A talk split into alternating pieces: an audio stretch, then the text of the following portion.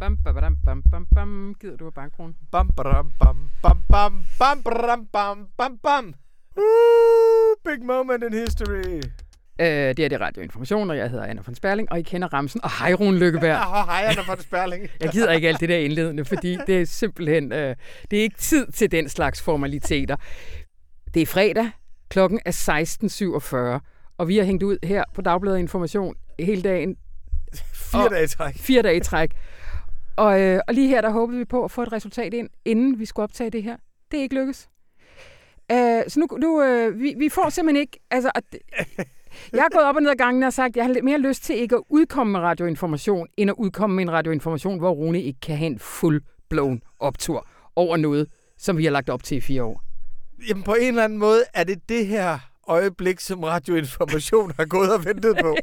Alt, hvad vi har talt om, og alt, hvad vi har været omkring i det her fællesskab og vores samtaler gennem fire år, som Ja. er en del af vores liv, det har jo handlet om den dag, hvor Donald Trump han blev kylet ud af det hvide hus Ja. af de amerikanske vælgere. Ja.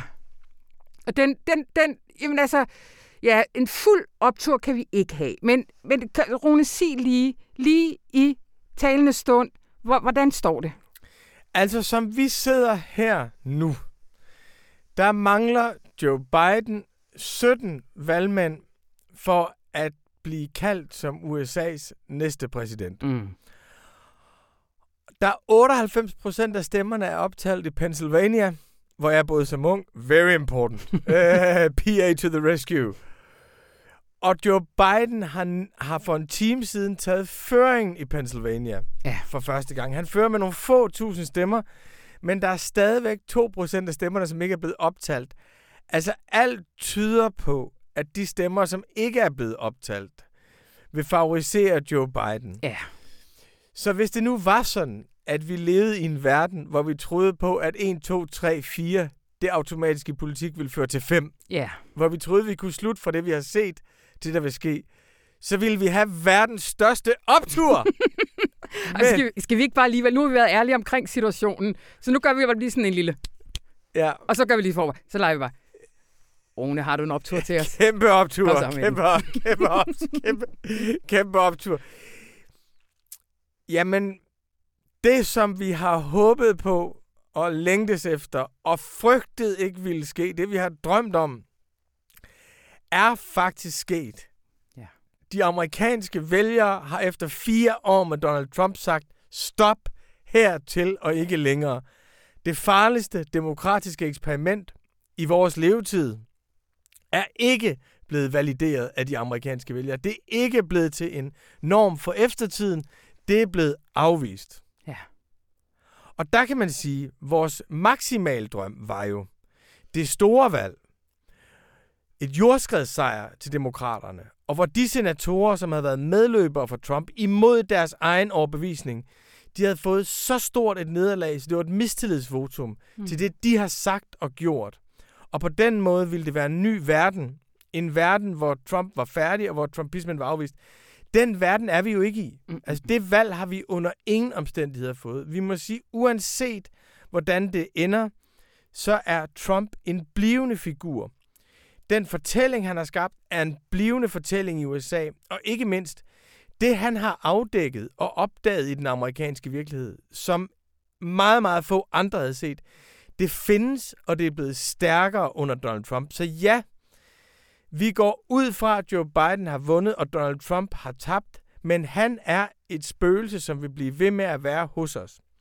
Det vi også havde drømt om, det var jo, at demokraterne ville vinde senatet, fastholde deres flertal i repræsentanternes hus, så den meget, meget offensive plan mm. for en Mm. grøn omstilling, og det enormt imponerende forslag til en reindustrialisering af USA, som Joe Biden har haft med sig, at det kunne blive til virkelighed. Altså, det ville være en ny begyndelse for Amerika.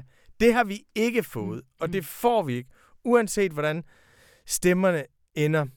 Der er vildt mange mænd, og vi kan tage dem bagefter igen. Jeg har lige lyst til at blive lidt i opturstemning, fordi vi har også fået, med alle de forbehold og sådan noget, en ny vicepræsident. Ja, vi har fået Kamala Harris, som jo er Indian Caribbean American, Mm. øh, som er den første kvindelige vicepræsident, og dermed i sagens natur også den første kvindelige sorte vicepræsident. Og der må man sige, at efter fire år med Donald Trump, og at de begrænsninger, der har været lagt på den amerikanske racisme, er blevet sluppet løs retorisk, der er også det en sejr, Ja.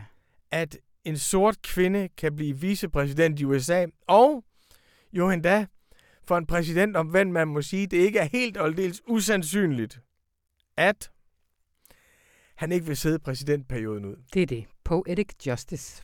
Poetisk retfærdighed, ja.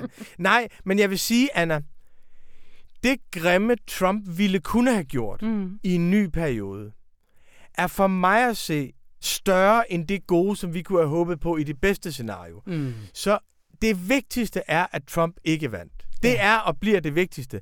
Så har vi fået talt og drømt os op til et scenario, hvor al solidaritet og grøn omstilling var mulig, og der kommer vi ikke hen. Nej. Men det synes jeg, det er det, man tænker på om to dage. Ja. Det er det, det, det, det, man tænker på om to dage. Fordi først, så skal vi fordøje det eksperiment, vi har været igennem, og uanset hvad Trump har gjort, om det har været Rusland, Nordkorea, Ukraine, gribe kvinder i skridtet, hån handicappet, hån kvinder for at have menstruation. Altså uanset mm. hvad han har gjort, så har opbakningen hos hans vælgere været absolut konstant. Mm. Der har ikke været nogen begivenhed i virkeligheden, der har flyttet noget. Og den eneste begivenhed i virkeligheden, der kunne have stoppet ham, det var det her valg. Og det vil sige, hvis det ikke var sket, så havde det Ja. været en katastrofe. Og det, at det er sket, og vi går ud fra, at det er Mm. sket, det er en ny begyndelse for Amerika. Det er morgen i Amerika. Mm. Og bare ene og alene, fordi Trump ikke længere skal være præsident i USA, så er det blevet en bedre verden. Og det er morgen i Amerika, men det er helt sikkert en konfliktfyldt morgen på alle mulige måder. For det er jo ikke kun hans spøgelse, der ikke er ude nu. Han er helt konkret ikke ude af det hvide hus, og forlydende er, at det har han jo ikke tænkt sig at gøre. Hvad, hvad, altså, det store spørgsmål er vel nu, om, om, om han faktisk også har tænkt sig at lave en peaceful transfer of power. Hvad, hvad, hvad, skal, hvad skal vi tro? Hvad? Jamen pr- præcis, altså der er meget, der er galt med det amerikanske demokrati, og det har vi nævnt tusind gange, det behøver vi ikke repetere nu. Mm. Men der er en minimal betingelse for, at demokrati kan fungere. Det er, at man kan fredeligt overdrage magten fra taber til vinder. Og til det scenario, der hører, at taberen anerkender vinderens sejr. Ja. Det, og det, altså, det tog jo Hillary Clinton meget lang tid i 2016. Men hun gjorde det. Og det er nok et ritual, som jeg tror ikke, vi er bevidste om, hvor vigtigt det er, fordi vi tager det for givet. Nemlig det, taberen taler før vinderen. Ja. Det vil sige, et vellykket demokrati forudsætter en taber, der anerkender afstemningens autoritet. Og der er på nuværende tidspunkt intet som helst, der tyder på, at Donald Trump han vil anerkende afstemningens autoritet. Mm. Tværtimod tyder det på, at han vil fortsætte valgkampen med andre midler, og med sine advokater, og med sine tilhængere, og med Mm. mm. alle de midler, han har, vil blive ved med at udfordre, underminere og obstruere den demokratiske proces. Øh, men alt det, det, mens vi folk sidder og lytter på, at vi taler, så ved vi jo sikkert meget mere om det, som gør det her så vanvittigt øh, vanskeligt lige nu. Men jeg har lyst til, at du bare slutter af med at sætte en lille smule ord på, hvad det er for en vanvittig, vanvittig dage, vi har, vi har været igennem her. Dengang Trump blev valgt, den nat, der oplevede vi jo alle sammen, at vores verdensbillede blev smadret. Mm. At det, vi troede, vi vidste, det, der gjorde, at vi kunne bevæge os sikkert og forudsige verden og være frie på den måde, det blev smadret. Så er der gået fire år, hvor vi på den ene side har oplevet Trump som konstant moralsk trussel, men vi har faktisk lige så langsomt reetableret tilliden til vores viden. Mm. Vi troede, vi kendte virkeligheden. Det, der sker tirsdag nat dansk tid på valgdagen, det er jo, at da Trump vinder Florida stort, så viste det sig, at meningsmålingen der har været helt forkert. Ja. Så der er en 3-4 timer, hvor jeg oplever, at den jord, jeg har gået på, og igen troede på var sikker, det er is, der knækker under fødderne på mig, og jeg kan falde helt igennem. Mm. Altså, der er tre katastrofiske timer, hvor jeg tænker, når det går galt i Florida, kan det gå galt alle steder. Og tendensen var, Trump kom tættere og tættere på. Så der var tre timers katastrofisk erkendelse af, måske er Trumps virkelighed den sande virkelighed. Måske er chokket i 16 gentaget i 20. Mm. Og hvis et chok bliver gentaget, mm. så er det jo den nye realitet. Ja. Det var så skræmmende. Så sker der det tirsdag morgen, der vender tendensen et sted. Pludselig, så går det, så går det Bidens vej i Wisconsin. Og der begynder man at tro på, okay, det er ikke sådan, at Trump bare æder, æder, æder, Mm. æder sig ind. Det vender faktisk. Det er stadigvæk åbent. Og så går det op for os. Det, der er sket i de første stater, der, der er de startet med at tælle brevstemmer. Og fordi demokraterne er skide bange for valghandlingen for andre mennesker for pandemien, så har de alle sammen stemt per brev. så det startede med, ja, vi er ved at vinde Texas. Mm. Han åd sig ind og tog Texas. Mm. Ja, vi er ved at vinde Florida. Han åd sig ind og tog det. Men de, de stater, vi har fulgt i de her dage, Wisconsin, Michigan, Nevada, Arizona, Georgia, North Carolina og Pennsylvania, de har været omvendt. Ja. Der har de talt stemmerne på Election Day op først, og dem har Trump jo erobret, fordi Trump har vundet valgkampen. Altså, han har ført en fantastisk valgkamp. Altså, han har vist, hvor dæmonisk, ufatteligt dygtig han er. Mm. Færdig. Men pludselig så er tendensen gået vores vej. Så lige så langsomt i løbet af de sidste 3-4 dage, der har man mere med for sådan, nej, verden står stadigvæk. Mm. Det, de sagde inden, at den var sikker, da jeg sagde for en uge siden, det var 99% sikkert, det passer stadigvæk. Vores viden om verden er lige så langsomt blevet bekræftet. Den er stadig så udfordret, så vi skal virkelig passe på. Mm, Ikke? Altså, mm. vi skal køre med epistemologisk cykelhjelm for al fremtid.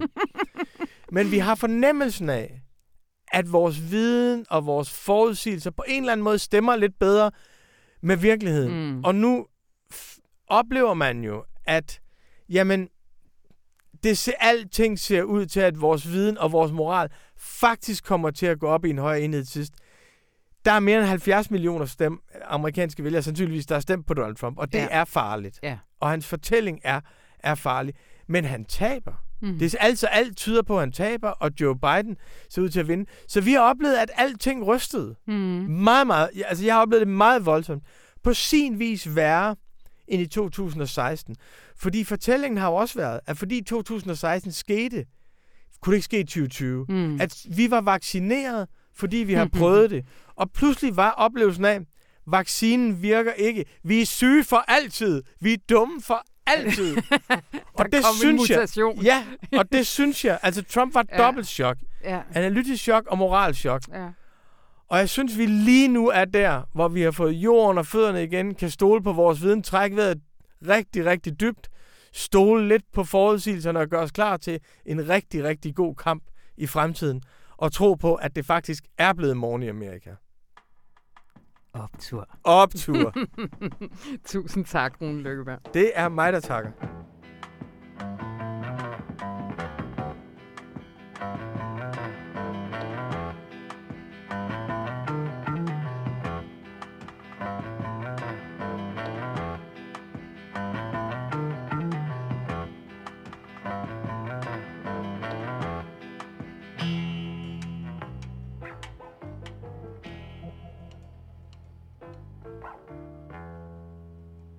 Bliver lidt ved det amerikanske valg, fordi at i ugerne og månederne, der kommer, kommer vi jo til at analysere op og ned af stolper på resultaterne fra de amerikanske stater.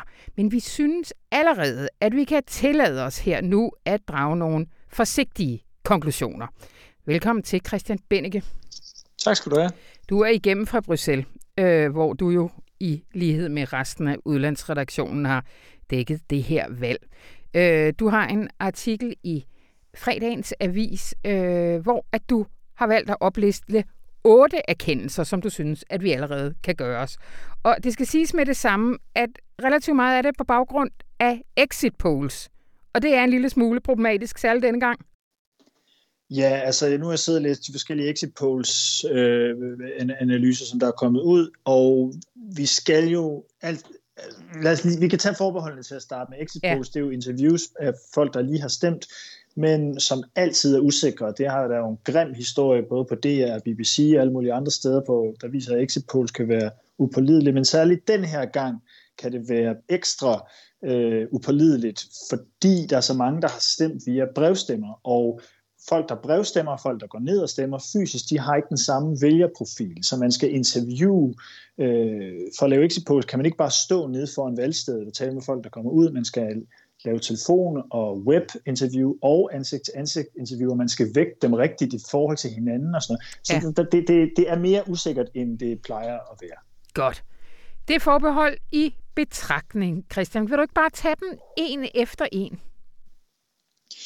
Jo, altså jeg synes, den jeg har sat øverst er, at USA ikke har afvist Donald Trump, og der var ligesom mange, der håbede på og, og spåede, at Trump ville få et ordentligt nederlag, ikke? fordi han jo kun blev valgt, fordi folk havde Hillary, og der var en masse gode konservative, der holdt sig for næsen, når de stemte på ham. Så, så det, ville være, det her ville være USA's afvisning af Trump, og det kan man jo ikke sige er sket, vel? Altså, han har fået, øh, han kan ende med at få over 70 millioner stemmer, de tæller jo, øh, når, alle, når det hele bliver er talt op. Altså, et af de højeste stemmeantal nogensinde. Altså, der, der er simpelthen 70 millioner mennesker, der har kigget på en mand, der, øh, øh, der har lovet tusindvis af gange, ikke? og som lige nu er hovedansvarlig for, at der stadigvæk dør mere end 1000 personer om dagen af, af, af covid, og har sagt very fine people on both sides, når det kommer til neonazister, ikke? og så alligevel har stemt på ham. Altså, det, det synes jeg er en, en af de største indsigter fra, fra, fra det amerikanske valg af USA stadigvæk øh, ikke har afvist Donald Trump. Ja, du citerer et medie for at sige, skrive, måske er vi sådan. Ja, det er jo fordi Michelle Obama, hun, hun har sagt, this isn't who we are. Ja. Hun kiggede på Trump med rystende, med bæverne stemme, ikke? og så siger Slate, det der venstreorienterede magasin, det siger, maybe, that, maybe this is who we are. Ja, ja.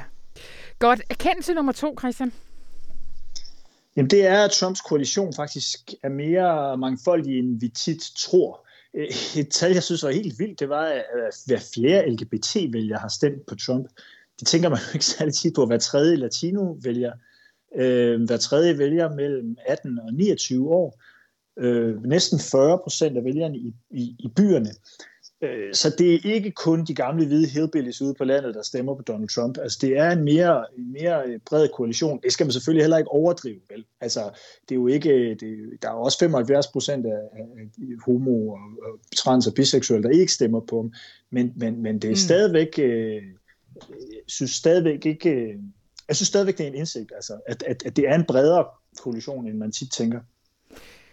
Jeg så Nasser Carter i øh, debatten i går øh, øh, kalde det øh, republikanske parti et øh, multikulturelt parti i dag. Er det er det, er det, det tallene faktisk understøtter? Nej, det, det, det, det, det synes jeg ikke. Altså, det, vil de, det vil de jo selv sige. Problemet med, at det er ikke sådan nogle valg, er jo, kigger man på udviklingen, eller kigger man på de totale tal? Ja. Og hvis man kigger på udviklingen i forhold til sidste valg, så er så har Trump så er Trump gået frem i stort set alle demografiske og etniske grupper, bortset fra de hvide. Altså, der er flere latinoer, der er faktisk også flere sorte, der har stemt på ham end sidste gang. Men totalt set, når man kigger på de rå tal, så er det jo stadigvæk øh, et ekstremt hvidt parti, yeah. altså det, det republikanske parti. Så det, det kommer an på, hvad man, altså øh, non-white, den der lidt underlige kategori, øh, 72 procent af the non-whites i USA stemte på Joe Biden. Yeah. Så kan man diskutere, om det er meget eller lidt. Yes. Erkendelse nummer tre. Jamen det er, at Biden har klaret sig, det er lidt forlængelse af det andet, men Biden har klaret sig bedre blandt de hvide, øh, dem vi kalder de hvide arbejdervælgere, end Hillary gjorde. Ja. Øh, han har jo vundet, øh, som bekendt, øh, i Michigan og Wisconsin, som var to af de stater, hvor Hillary tabte meget, øh, meget snævert. Og det er jo noget, der er med til at skubbe, skubbe hans valgresultat. Ikke? Ja. Øh, og, og hvad karakteriserer de stater? Jamen, Biden har fået flere stemmer blandt husholdninger med fagforeningsmedlemskab, end Hillary gjorde. Han har fået højere stemmetal blandt hvide vælgere i USA som helhed, øh, der ikke har hvide uden en college-uddannelse. Øh, han har også fået flere stemmer blandt de, de allerlavest lønnede. Det kan så udlægges som en, en sejr, altså at demokraterne har fået bedre fat i arbejderne. Det er jo, det er jo også øh, det er jo rigtigt nok. Altså, han har gjort det, Hillary ikke kunne, men det er jo ikke sådan en overvældende øh, sejr, kan man sige. Altså, fordi de hvide, hvis man kigger på sådan hvide mænd på landsplan for eksempel, så er det stadigvæk øh, 62 procent i 16 og 57 procent i 20. som stemte på Trump. Og i, i Georgia, der var det fire ud af fem hvide vælgere uden collegeuddannelse, der stemte på Trump. Så, mm. så, så det er igen det der med, at det er retning eller de totale tal, man kigger på. Og hvis man kigger på udviklingen, så, så, så, så er det gået den rigtige vej for, for demokraterne på det her punkt. Men det er jo stadigvæk ikke øh, sådan en meget overvældende tilbagevinding af de vælgergrupper. Nej. Og så er vi nået til den fjerde erkendelse. Jamen, det er de kristne stemmer på Trump, og det er jo meget overvældende egentlig. Altså 76 procent af de hvide evangeliske kristne vælgere, de har stemt på en mand, som har været serielt utro med pornostjerner, og jeg ved ikke hvad, har været gift tre gange, og blevet mm. som har taget kvinder i skridtet. Øhm, og det gør de jo sandsynligvis på grund af hans, trods alt, han er blevet abortmodstander, og ikke er indsat konservative dommer i højesteret, og øh, følge den amerikanske ambassade til Jerusalem men kan ikke nævne en eneste passage i Bibelen. Der er det fantastiske klip, hvor han bliver, hvor han bliver spurgt om det. Det er fordi, det er meget personligt. Det er nemlig meget, meget personligt. Det er meget personligt, hvad ens, hvad ens yndlingspassage er i Bibelen. Og erkendelse nummer 5. Jamen, det er, at USA jo trods alt er blevet mere blot. Altså, ja. der er flere på, hvis man kigger på, øh, på, på den nationale, de nationale stemmetal, så er der flere, der har stemt på demokraterne end sidste gang. Ja, erkendelse nummer 6?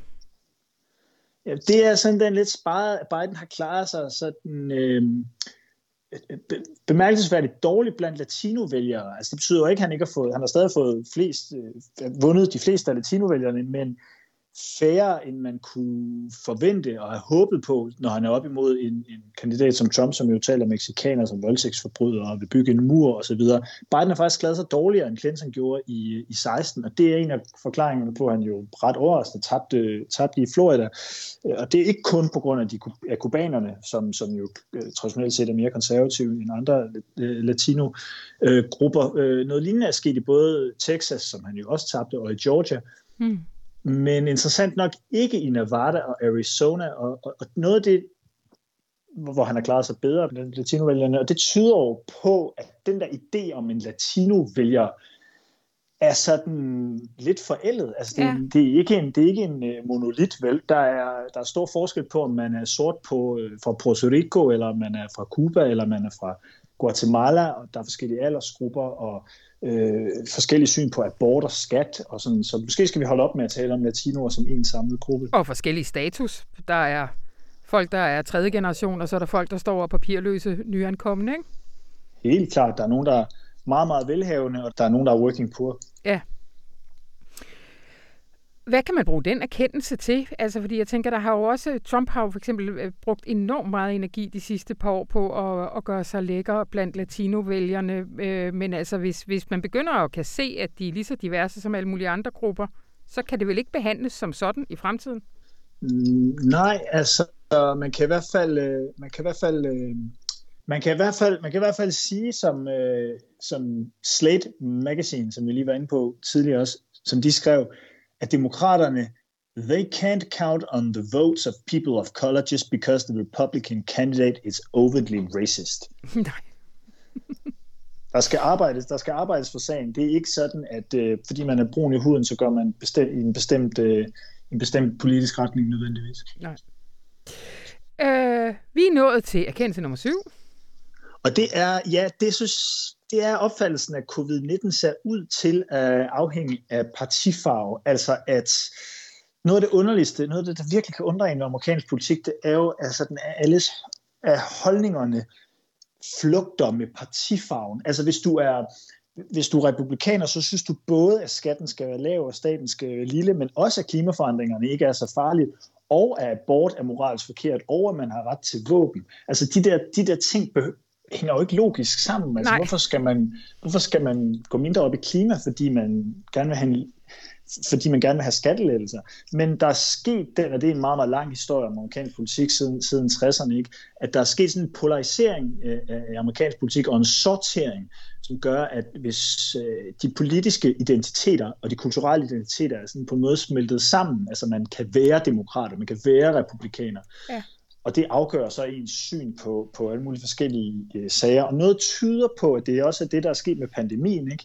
Altså, at det ikke bare er sådan, at de steder, for man skulle forvente, at de steder, hvor der var mange døde og mange smittede, der ville Trump klare sig dårligt, fordi ja. ham, der har haft ansvaret. Ikke? Men det kan man bare ikke se. Altså, jeg kan se, at Reuters har lavet sådan en analyse af forskellige valgkredse. De kan faktisk konstatere, at mange af de steder, som har haft mange døde, mange af de valgkredse, som har haft mange døde, de, stem, der, de stemmer mere på Trump, end de gjorde sidste gang. Ja. Og man kan også se, at langt, langt de fleste Trump-vælgere, de, altså 93 procent af dem, der har stemt på Trump, de mener, at han er bedst til at håndtere smitten. Øh, og 92 procent af dem, der har stemt på Biden, siger, at han er bedst til at, at, at håndtere smitten. Så noget, det betyder ikke, at pandemien er underordnet eller ligegyldig for valget, men noget tyder på, at den er blevet, opfattelsen af den er blevet politiseret og polariseret på samme måde, som alle andre spørgsmål i USA er blevet det siden, øh, i hvert fald siden 90'erne. Vi er nået til det aller sidste punkt. Den 8. og for denne gang sidste erkendelse, Christian Bennike. ja, det er, det er den øh, i mørke glædelige nyhed, at valgdeltagelsen har været historisk, øh, historisk høj i, ja. i USA. Og øh, jeg tror ikke, man skal tror ikke, man vil sige, at det i sig selv er et fantastisk... Øh, jo, i sig selv er det selvfølgelig et demokratisk fremskridt, men altså, at den, selve valget har været særlig sådan opløftende. Der har selvfølgelig ikke været nogen øh, kæmpe optøjer og sådan noget, vel, som, man havde, som man havde frygtet. Men altså, mm. man ser på, hvad præsidenten har gang i, og de der forskellige juridiske procedurer, der er blevet sat i gang, så det er jo ikke, fordi det er sådan en, en, en demokrat, demokratiets festdag, som vi plejer at sige i Danmark. Men valgdeltagelsen når næsten 70 procent. Det er det højeste tal siden 1900. Øh, du ved, 20 år før kvinderne fik stemmeret i USA. Ikke? Ja. Så altså, det er trods alt positivt. Og lad os slutte af på den positive note. Tusind tak, Christian Bennike. Selv tak.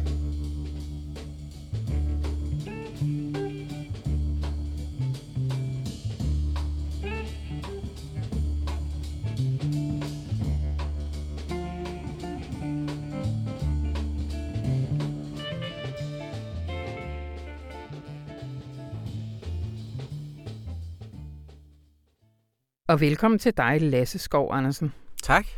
En af en hel del, der sidder på indlandsredaktionen lige nu og dækker det her mink. Det er faktisk hele redaktionen, der er på sagen nu. ja. Mere eller mindre. Stærkt. Det er jo en verdensnød. Det er jo det. Er den egentlig øh, er den, er den ude i verden?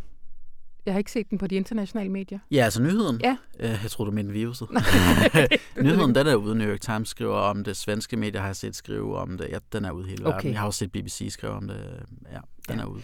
Det skal lige siges, før vi går i gang, at vi optager det her torsdag eftermiddag. Så det er faktisk også før det pressemøde, som I, der sidder og lytter til det her, øh, ved, hvad kommer til at indeholde omkring yderligere tiltag i Nordjylland. Men jeg har egentlig inviteret dig ind også primært for at få lidt baggrund, fordi øh, for nogen var det måske, vi har selvfølgelig hørt, at alt det her med, med, med minkene var et problem, men for en hel masse var det jo nyt, det her med mutationen i går. Men det var jo ikke nyt for jer. Nej. Øh, kan du ikke lige sige, øh, hvor, hvor, hvornår hører du øh, første gang om, at, øh, at, at der er den her mutation? Ja, Statens Serum Institut er jo blevet opmærksom på det allerede i sådan slut august i hvert fald. Og de, vi har jo fået agtindsigt i nogle risikovurderinger, de har lavet. For eksempel, hvor man kan se allerede den 4. september, skriver de i uh, sådan et notat, de sender til Fødevarestyrelsen, at der er opstået de her, på det tidspunkt to uh, mutationer, som er muteret omkring det her spike-protein, som de skriver, at uh, alle vacciner er rettet mod. Det er vist kun de fleste vacciner, men de skriver alle vacciner. Mm. Øhm, og øhm, og så, ja, så, og de laver ikke kobling der, hvor de så siger, at det betyder at sådan og sådan, men, men det er jo alligevel et rødt flag, der bliver hejst. Og allerede så den 18. september kommer der et notat, hvor det bliver skåret, skåret helt ud i pap, hvor der står præcis det, der blev sagt på pressemødet i går, at det her det kan potentielt betyde, at øh, øh, flokimmunitet ikke kan, kan opstå, og at vacciner enten altså worst, worst case slet ikke vil virke, men, eller i hvert fald vil have en lidt, lidt dårligere virkning, end de ellers vil have. Ja. Så, så på den måde det er det jo ikke nyt. Øhm, jeg kunne se, det er jo blevet lidt misforstået, hvad det nye i går i virkeligheden var. Der er mange, der har udlagt det som, at det nye det var, at det havde spredt sig til mennesker og, og spredt sig blandt mennesker. Mm. Det har vi også vidst længe.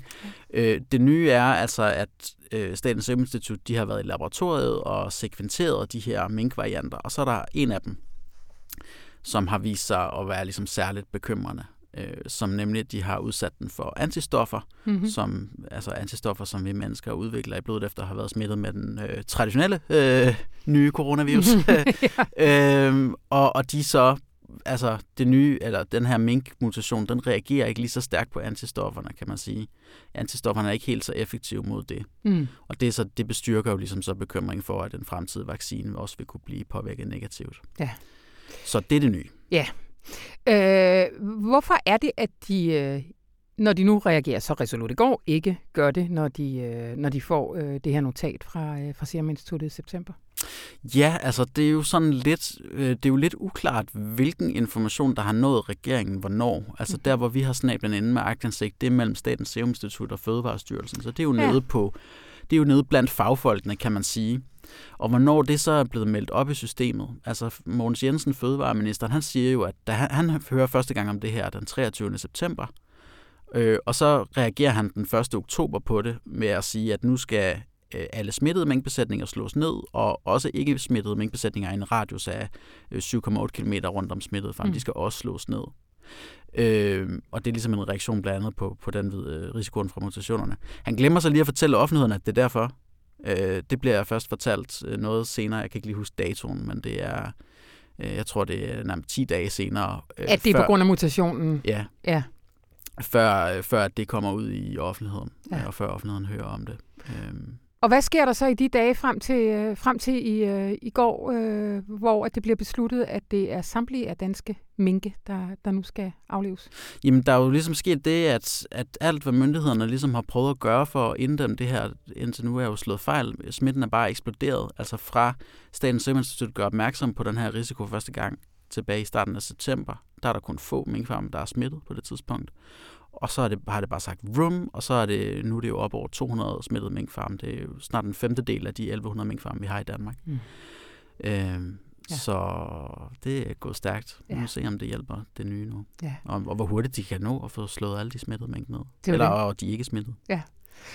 Øh, vi har jo skrevet en del om det også op til det her, blandt andet også om Statens Serum Institut og deres forsøg på at opspore blandt andet de mennesker, der jo går igennem mellem, mellem øh, minkfarmene. Kan du ikke sige lidt om det? Jo, altså et grundlæggende problem, øh, og grund til, at det ligesom har kunne eksplodere sådan her, det er ligesom, at myndighederne er kommet lidt for sent hver gang.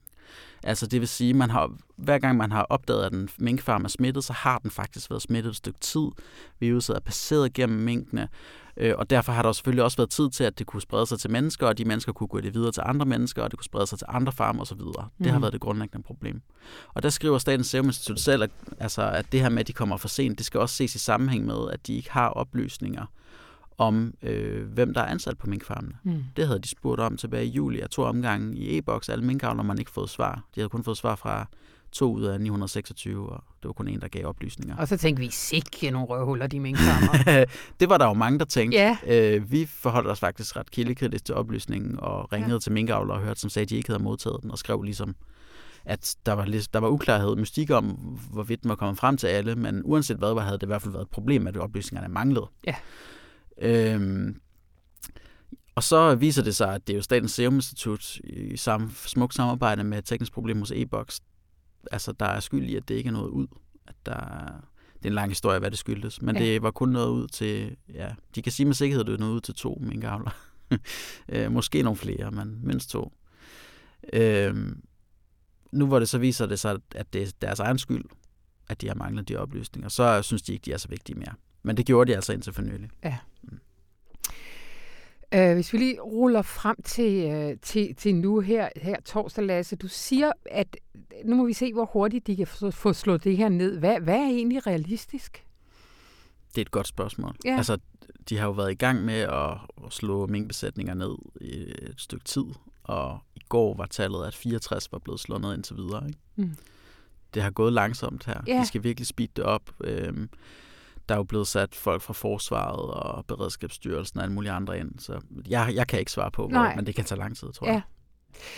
Lasse, hvor farligt er det her? Jeg synes, det er forvirrende. Altså, så vi talte lige om det her, før, øh, før vi gik i gang, at jeg sad og så pressemødet mm. i går, og jeg, du ved, følte, at jeg var med i et øh, episode af Black Mirror, ikke? At mm. vi har Mm. lige set, øh, nå, men, øh, øh, amerikanske demokrati er ved at bryde sammen. Mm. Øh, Mm. nu ser vi billeder af militæret, der skal ud og slå ned. Mm. Det blev sådan en virkelig urovækkende følelse i mig. Så blev jeg siddende, og bagefter havde DR et par eksperter i studiet, der sagde, "Pff, det er jo, det er jo ret normalt. Det Mm. gør virus, de muterer. Mm. Øh, der er hundredvis af HIV-virus, og det, det, når du får din vaccine hos, Mm. øh, for din øh, influenza, så er det fem forskellige influenzaer, du får. Sådan er det. Mm. Og så tænkte jeg, hvor, hvad, hvad er forholdet egentlig mellem vi det nye Wuhan og sådan er det?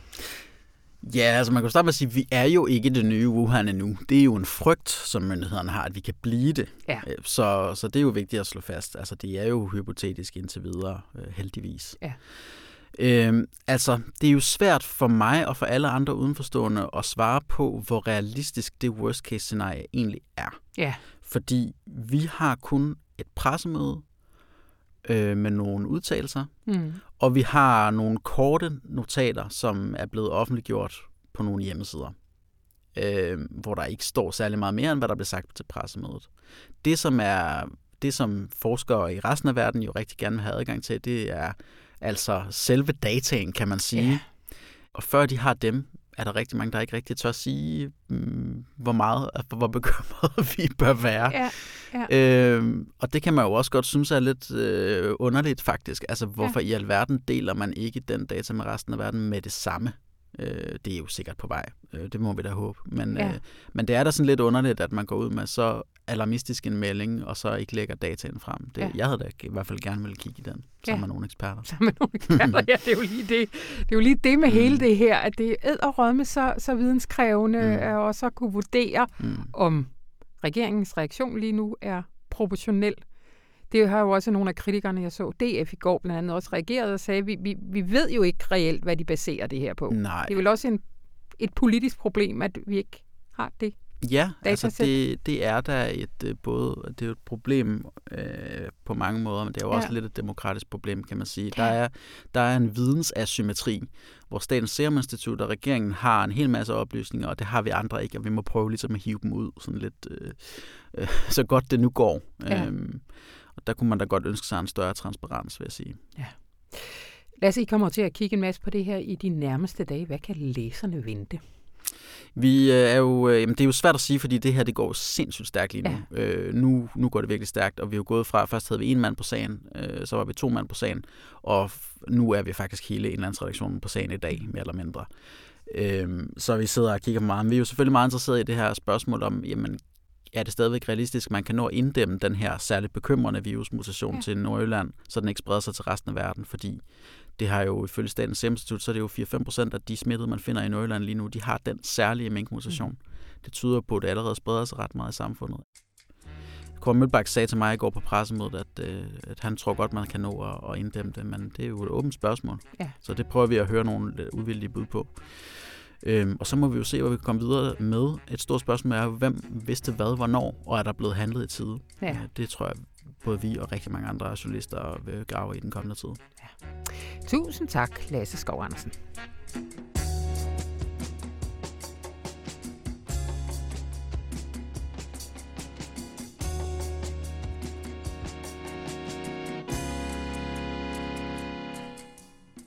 Og nu skal vi tale om samtidskunst. Hej Maria. Hej. Kjær Themsen, kunstredaktør her på Avisen. Øh, vi sprang jo over i sidste uge. Ja. Det var amerikansk valg. Så denne uge der er vi nået til kapitel 4 i Rebentisch, samtidskunstens teorier, en indføring. Øh, og den handler om institutionskritik Ja. i samtidskunsten. Ja. Hvad, hvad, hvad helt overordnet, hvad er det for en størrelse? På engelsk bliver det kaldt institutional critique, og det handler, som navnet siger, øh, om, når kunstnerne begynder at øh, stille kritiske spørgsmål til den institution, deres værker bliver vist på, eller på anden vis forholder sig til selve kunstinstitutionen som demokratisk øh, støde, eller som position i, i samfundet. Eller mangel på samme. eller mangel på samme. Ja. yes. Hvor, hvor kan man ligesom sige historisk, at vi sådan ser øh, konturerne til en institutionskritik? Jamen, det startede sådan set i 60'erne øh, som, som term, institutional critique. Men man kan faktisk trække tråde øh, længere tilbage. Den tyske teoretiker Peter Bürger, der skrev en bog, der hedder Teori der avantgarde i 1971, hvor han analyserer avantgardens fejlslag, altså den av- historiske avantgarde, som han kalder den, som var, øh, som var i 10'erne og 20'erne i det 20. århundrede, som netop havde som utopi totalt at opløse grænsen mellem kunsten og ikke-kunsten. Det, som øh, den her serie også handler om, nemlig øh, hvor, hvor, hvor er skældet mellem kunst og ikke-kunst. Mm. Og det var den historiske avantgardes øh, utopi at opløse det skæld totalt, så og, kunsten og, og, blev hvordan, en del af livet. Hvordan gjorde de det, og hvem, hvem var ligesom... Hvem kender man inden for... Jamen altså, en af de ting, vi har talt om her tidligere, var jo Ready Maiden. Altså tage noget ud fra virkeligheden, tage det ind i institutionen. Mm. Det var et avantgardistisk greb. Mm. Øh, men ellers så var det øh, noget med at bruge busbilletter og aviser og lave collager af, som han er Høg. Lave nonsens teater og øh, som dadaisterne. Mm. Øh, alle mulige greb, som egentlig foregik uden for institutionen. Mm. Og man prøvede at lave noget, der var parallelt til museet, øh, og som foregik helt i nogle helt andre sfære. Men vel også sådan noget med at lave, lave manifester? Altså, lave manifester. De er alle sammen manifester. Ja, ja. Nogle ret sindssyge. Altså, ja. Øh, de italienske futurister havde et sindssygt manifest. Ikke? Det handlede om futurismen og fremtiden osv. Og, ja. og de lavede jo også øh, opskrifter. Hvordan lavede man øh, avantgardistisk, futuristisk mad, for eksempel. Så det handlede ikke så meget om at lave øh, kunstværker kun, men at få, få et helt andet perspektiv ind på, på livet i den moderne øh, tilværelse og civilisation. Ja. Men altså, der i 60'erne, så startede der, så foregik der nogle ting. Blandt andet en tysk kunstner som Hans Hake, som er en af de helt store øh, navne inden for øh, institutional critique. Han lavede nogle værker, øh, som blev oftest øh, afvist eller censureret inden åbningen, fordi de var så kontroversielle, mm. og satte fokus netop på den institution, hvor i værket skulle vises. Og det var institutionerne ikke på det tidspunkt så gearet til, eller havde så meget lyst til at være åbne omkring at, at tale om, hvem der egentlig sad i, bestyrelses, øh, på, i bestyrelsen på museet, og hvad deres baggrund og intentioner for at sidde der var, så videre. Ja. Så en af hans hakkes værker var blandt andet at lave en brugerundersøgelse øh, på et museum i, i New York, hvor hvor han spurgte alle, der kom ind som gæster på museet, hvad deres uddannelsesbaggrund var, hvor de boede, hvor gamle de var osv. For på den måde at blotlægge, jamen, hvem er det egentlig, der, der kommer ind som gæster på sådan et kunstmuseum. Øh, og på den måde også afsløre måske, at, øh, at kunsten stadigvæk på det tidspunkt var for et vist akademisk øh, øh og måske højborgerlig kultur kulturklasse. Ikke? Ja. Men det, der, det man så ser der, også i, i slut 60'erne og i 70'erne, det er, at de værker fra den historiske avantgarde, blandt andet, som på det tidspunkt forsøgte at opløse den dikotomi, hvad man kunne sige, omkring kunst og livet, de blev jo så indkøbt til museerne, og pludselig en stor del af deres, en væsentlig del af samlingerne rundt omkring på de på, på museerne. Så, så Institutionerne det, tager institutionskritikken ind på ja, det tidspunkt? Ja, og det er jo, ja, og Avantgardens projekt. Ikke? Ja. Øh, og det er jo det, der er paradokset, som også i Peter Byrkes øh, analyse bliver, at, at Avantgarden slog fejl på den måde. Ikke? Mm-hmm. Fordi at det ender alligevel som objekter til salg, eller sådan mm-hmm. værdifulde objekter på et museum. Men hvis vi lige går lidt op i tiden, så i 80'erne og 90'erne, så, øh, så revitaliseres den lidt i institutionskritikken. Ja, så ser man den i hvert fald på, en andet, på et andet niveau. Så handler det mere om øh, øh, kvindernes position blandt andet. Der er en kunstner som Andrea Fraser, som laver sådan nogle... Øh, øh, det, øh, hun, hun laver et værk, der hedder Museum Highlights, hvor hun ligesom performer at være øh, omviser på et museum og bliver mere og mere hysterisk i løbet af den der performance.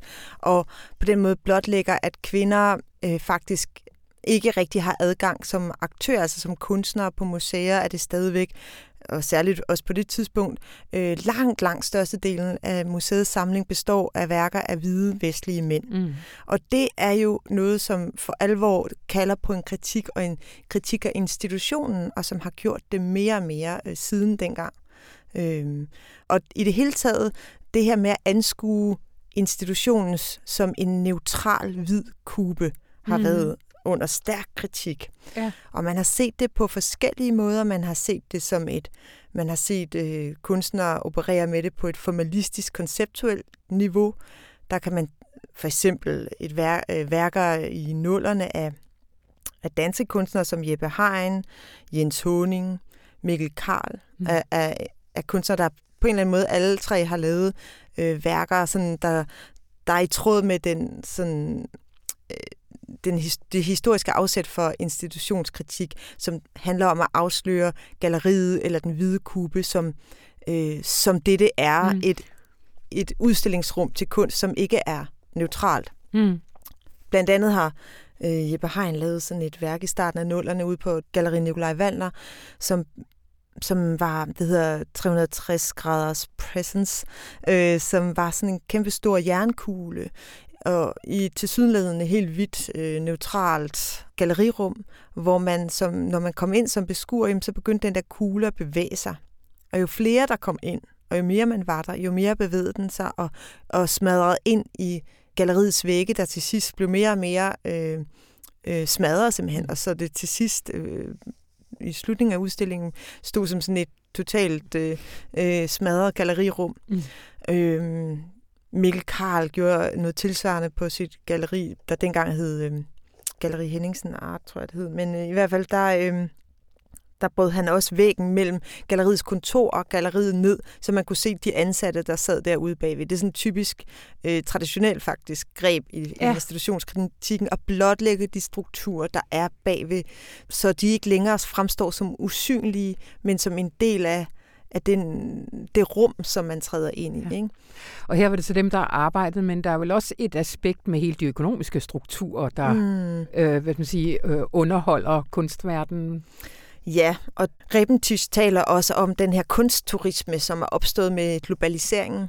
Hun taler om, at globaliseringen jo ikke har skabt øh, færre skæld, men faktisk flere skæld. Altså efter murens fald, særligt 1989, så, så havde man det måske som om, at der var en fortælling, der hed, at nu var der flere af de tidligere markører, der brød sammen, øst og vest, og kommunisme og kapitalisme og sådan noget brød sammen, og skabte en mere øh, en globaliseret verden.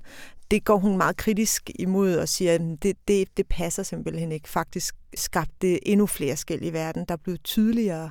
Og en af de ting, der er sket parallelt, det er, at øh, verden over er der biennaler, som skaber en form for kunstturisme, hvor folk kommer øh, og kan se den nyeste tendens inden for kunsten, men som hun i hvert fald mener ikke har den politisk øh, effekt, som biennalerne måske oftest markedsfører sig på.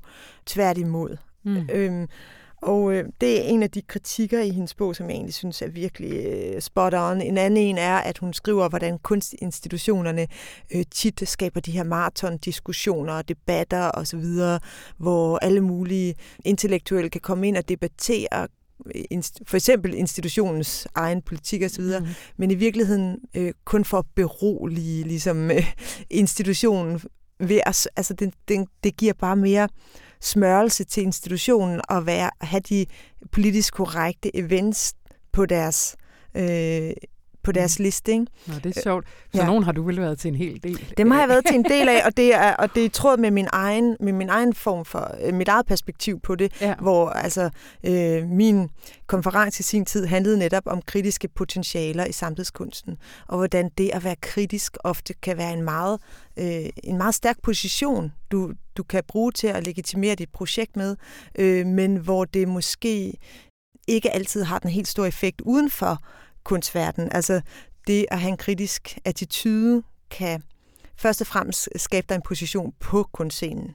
Ja. Øh, og det, øh, det er jo det, som er det store paradoks ved at bedrive kritik, det er, jamen hvis du vil have en reel effekt ude i ikke-kunsten og ude i virkeligheden, mm. så er det lidt nogle andre parametre, man skal nogle gange i hvert fald operere på.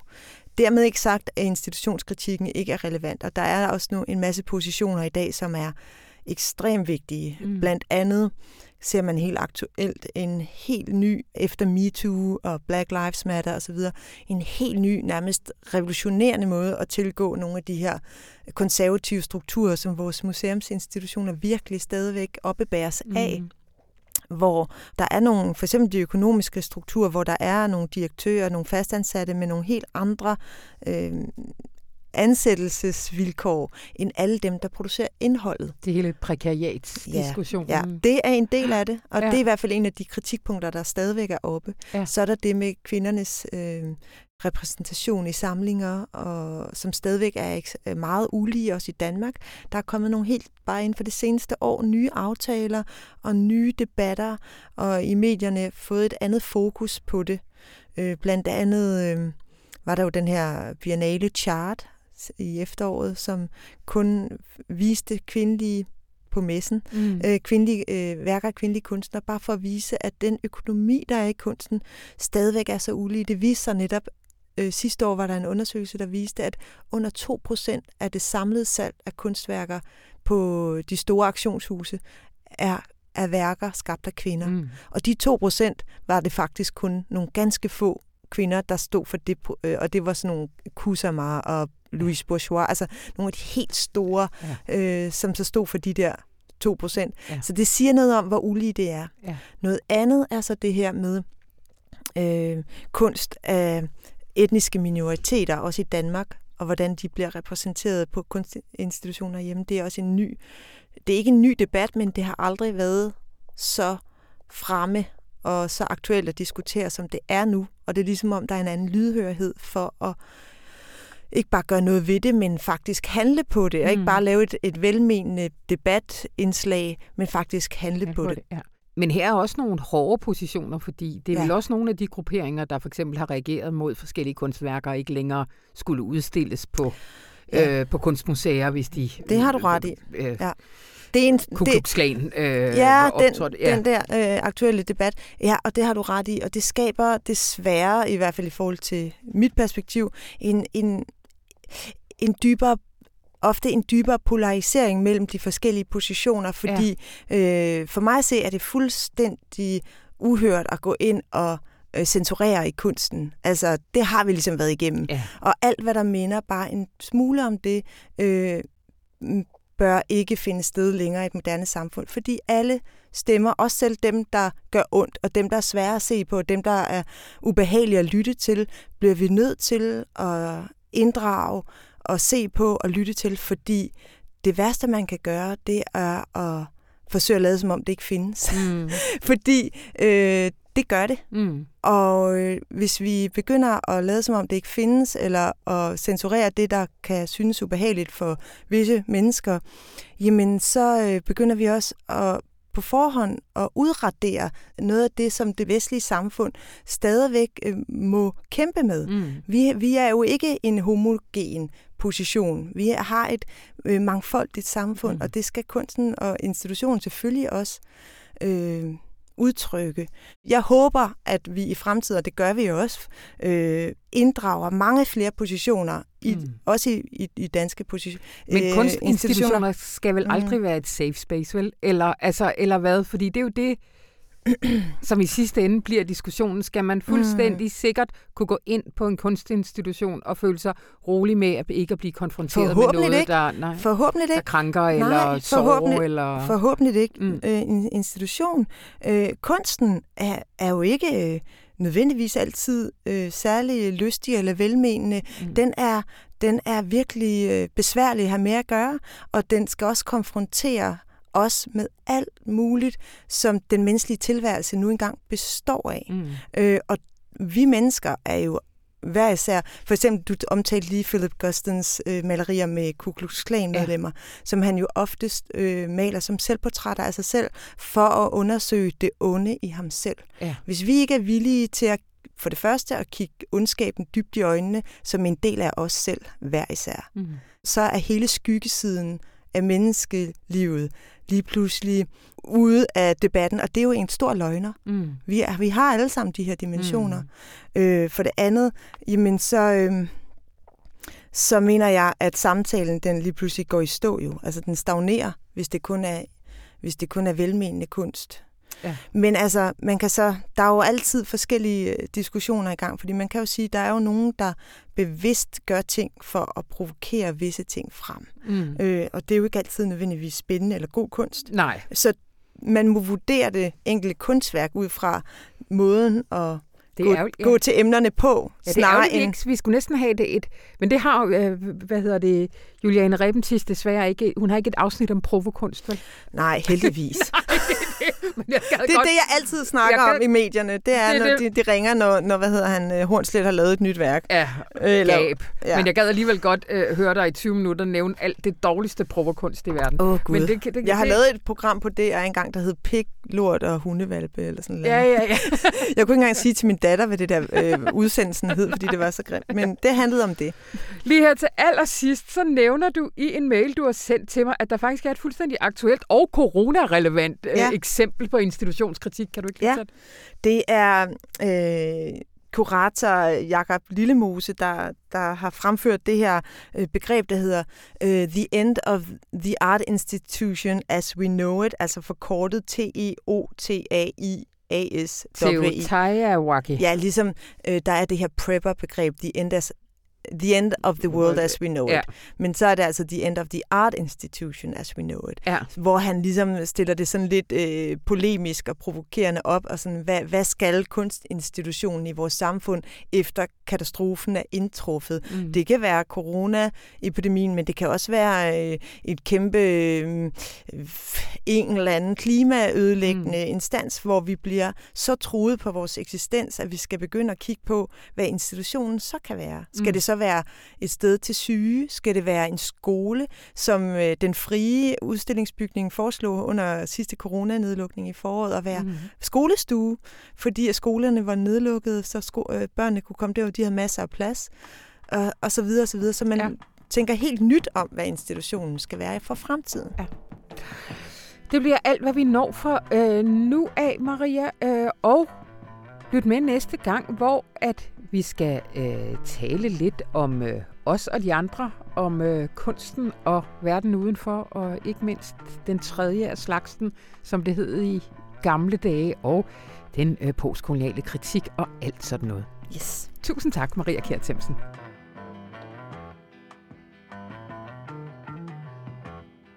Og det var så det, vi nåede at få med inden absolut, absolut, absolut seneste deadline på Radioinformation.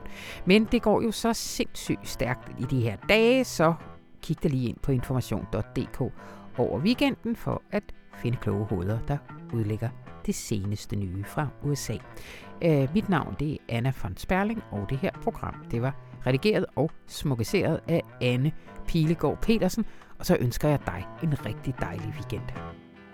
Thank you.